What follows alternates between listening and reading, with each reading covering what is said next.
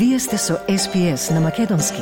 Слушнете повеќе прилози на sps.com.au козацрта на Седонин.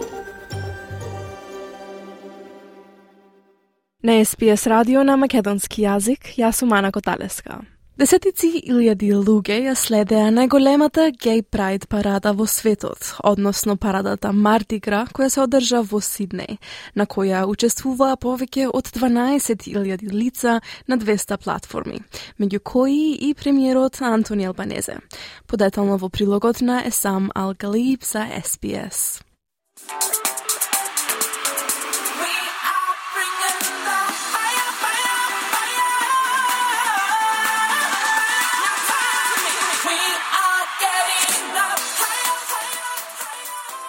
На оваа историска ноќ во Сиднеј, десетици илјади луѓе на улицата Оксфорд ги следеа учесниците кои танцуваа, пеа и го славеа враќањето на парадата.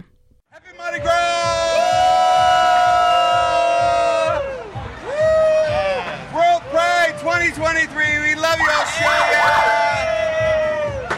Овогодинешната прослава го означи првото одржување на Гей Прайд парадата од 2020 година.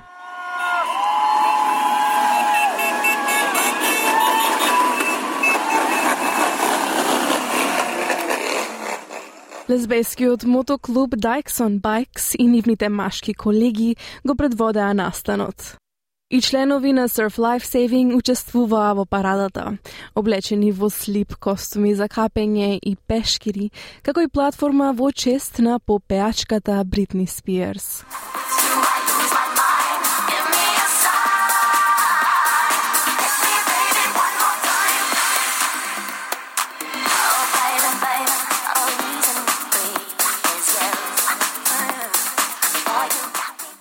Антони Албанезе влезе во историјата како првиот премиер кој учествувал во парадата.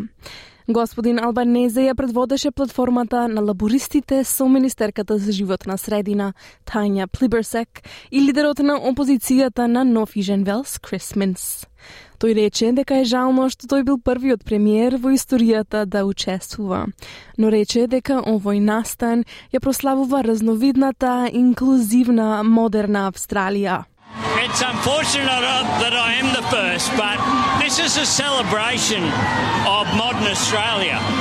We're a diverse, inclusive Australia, and that's a good thing. Пред парадата, господин Албанезе рече дека станува збор за почит во однос на напредокот што Австралија го постигнала за правата на LGBTIQ плюс заедницата во изминатите 45 години. But we need to remember as well that after 45 years, it began with a campaign for law reform. It's about equality and it's about respecting people for who they are, no matter who they love, no matter uh, where they live, no matter what their identity is. It's about respect. На прославата, чија тема беше Gather, Dream, Amplify, учествуваа и некои ветерани од Марди Гра. Кейт Роу учествуваше на првата Марди Гра парада во 1978 година.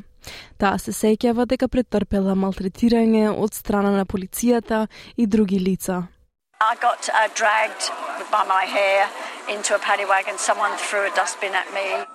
И представници од Австралиската федерална полиција присуствуваа на настанот, но не како демонстрација на сила, туку за да ја покажат својата поддршка за заедницата како и за нивните геј офицери.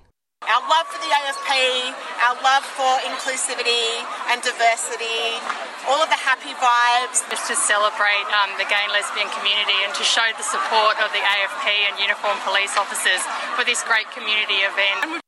Сенаторката Лидија Торп беше принудена да ја напушти парадата, откако се обиде да ја блокира платформата на полицијата на Новижен Велс.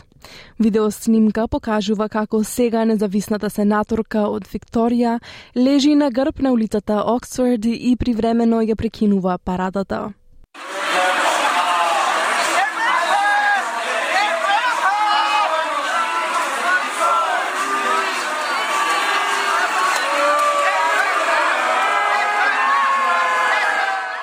Двајца полицајци потоа почнаа да разговараат со сенаторката Торп, додека толпата почна да свирка и да скандира за незиното одстранување, пред таа самата да стане. Полицијата на Нов Южен Велс потврди дека една жена била одстранета од парадата на барање на организаторите поради прекршување на условите за незиното учество.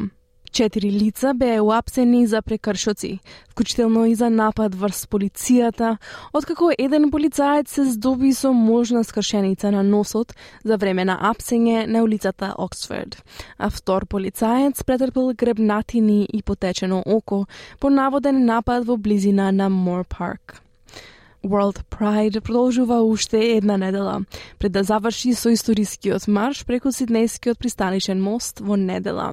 Настанот беше наречен неголемиот настан во Сиднеј од Олимпијадата во 2000 година, а градот се очекува да биде домакин на повеќе од половина милион луѓе на околу 300 настани. Сакате ли да чуете повеќе прилози како овој? Слушате подкаст преку Apple Podcasts, Google Podcasts, Spotify или од каде и да ги добивате вашите подкасти.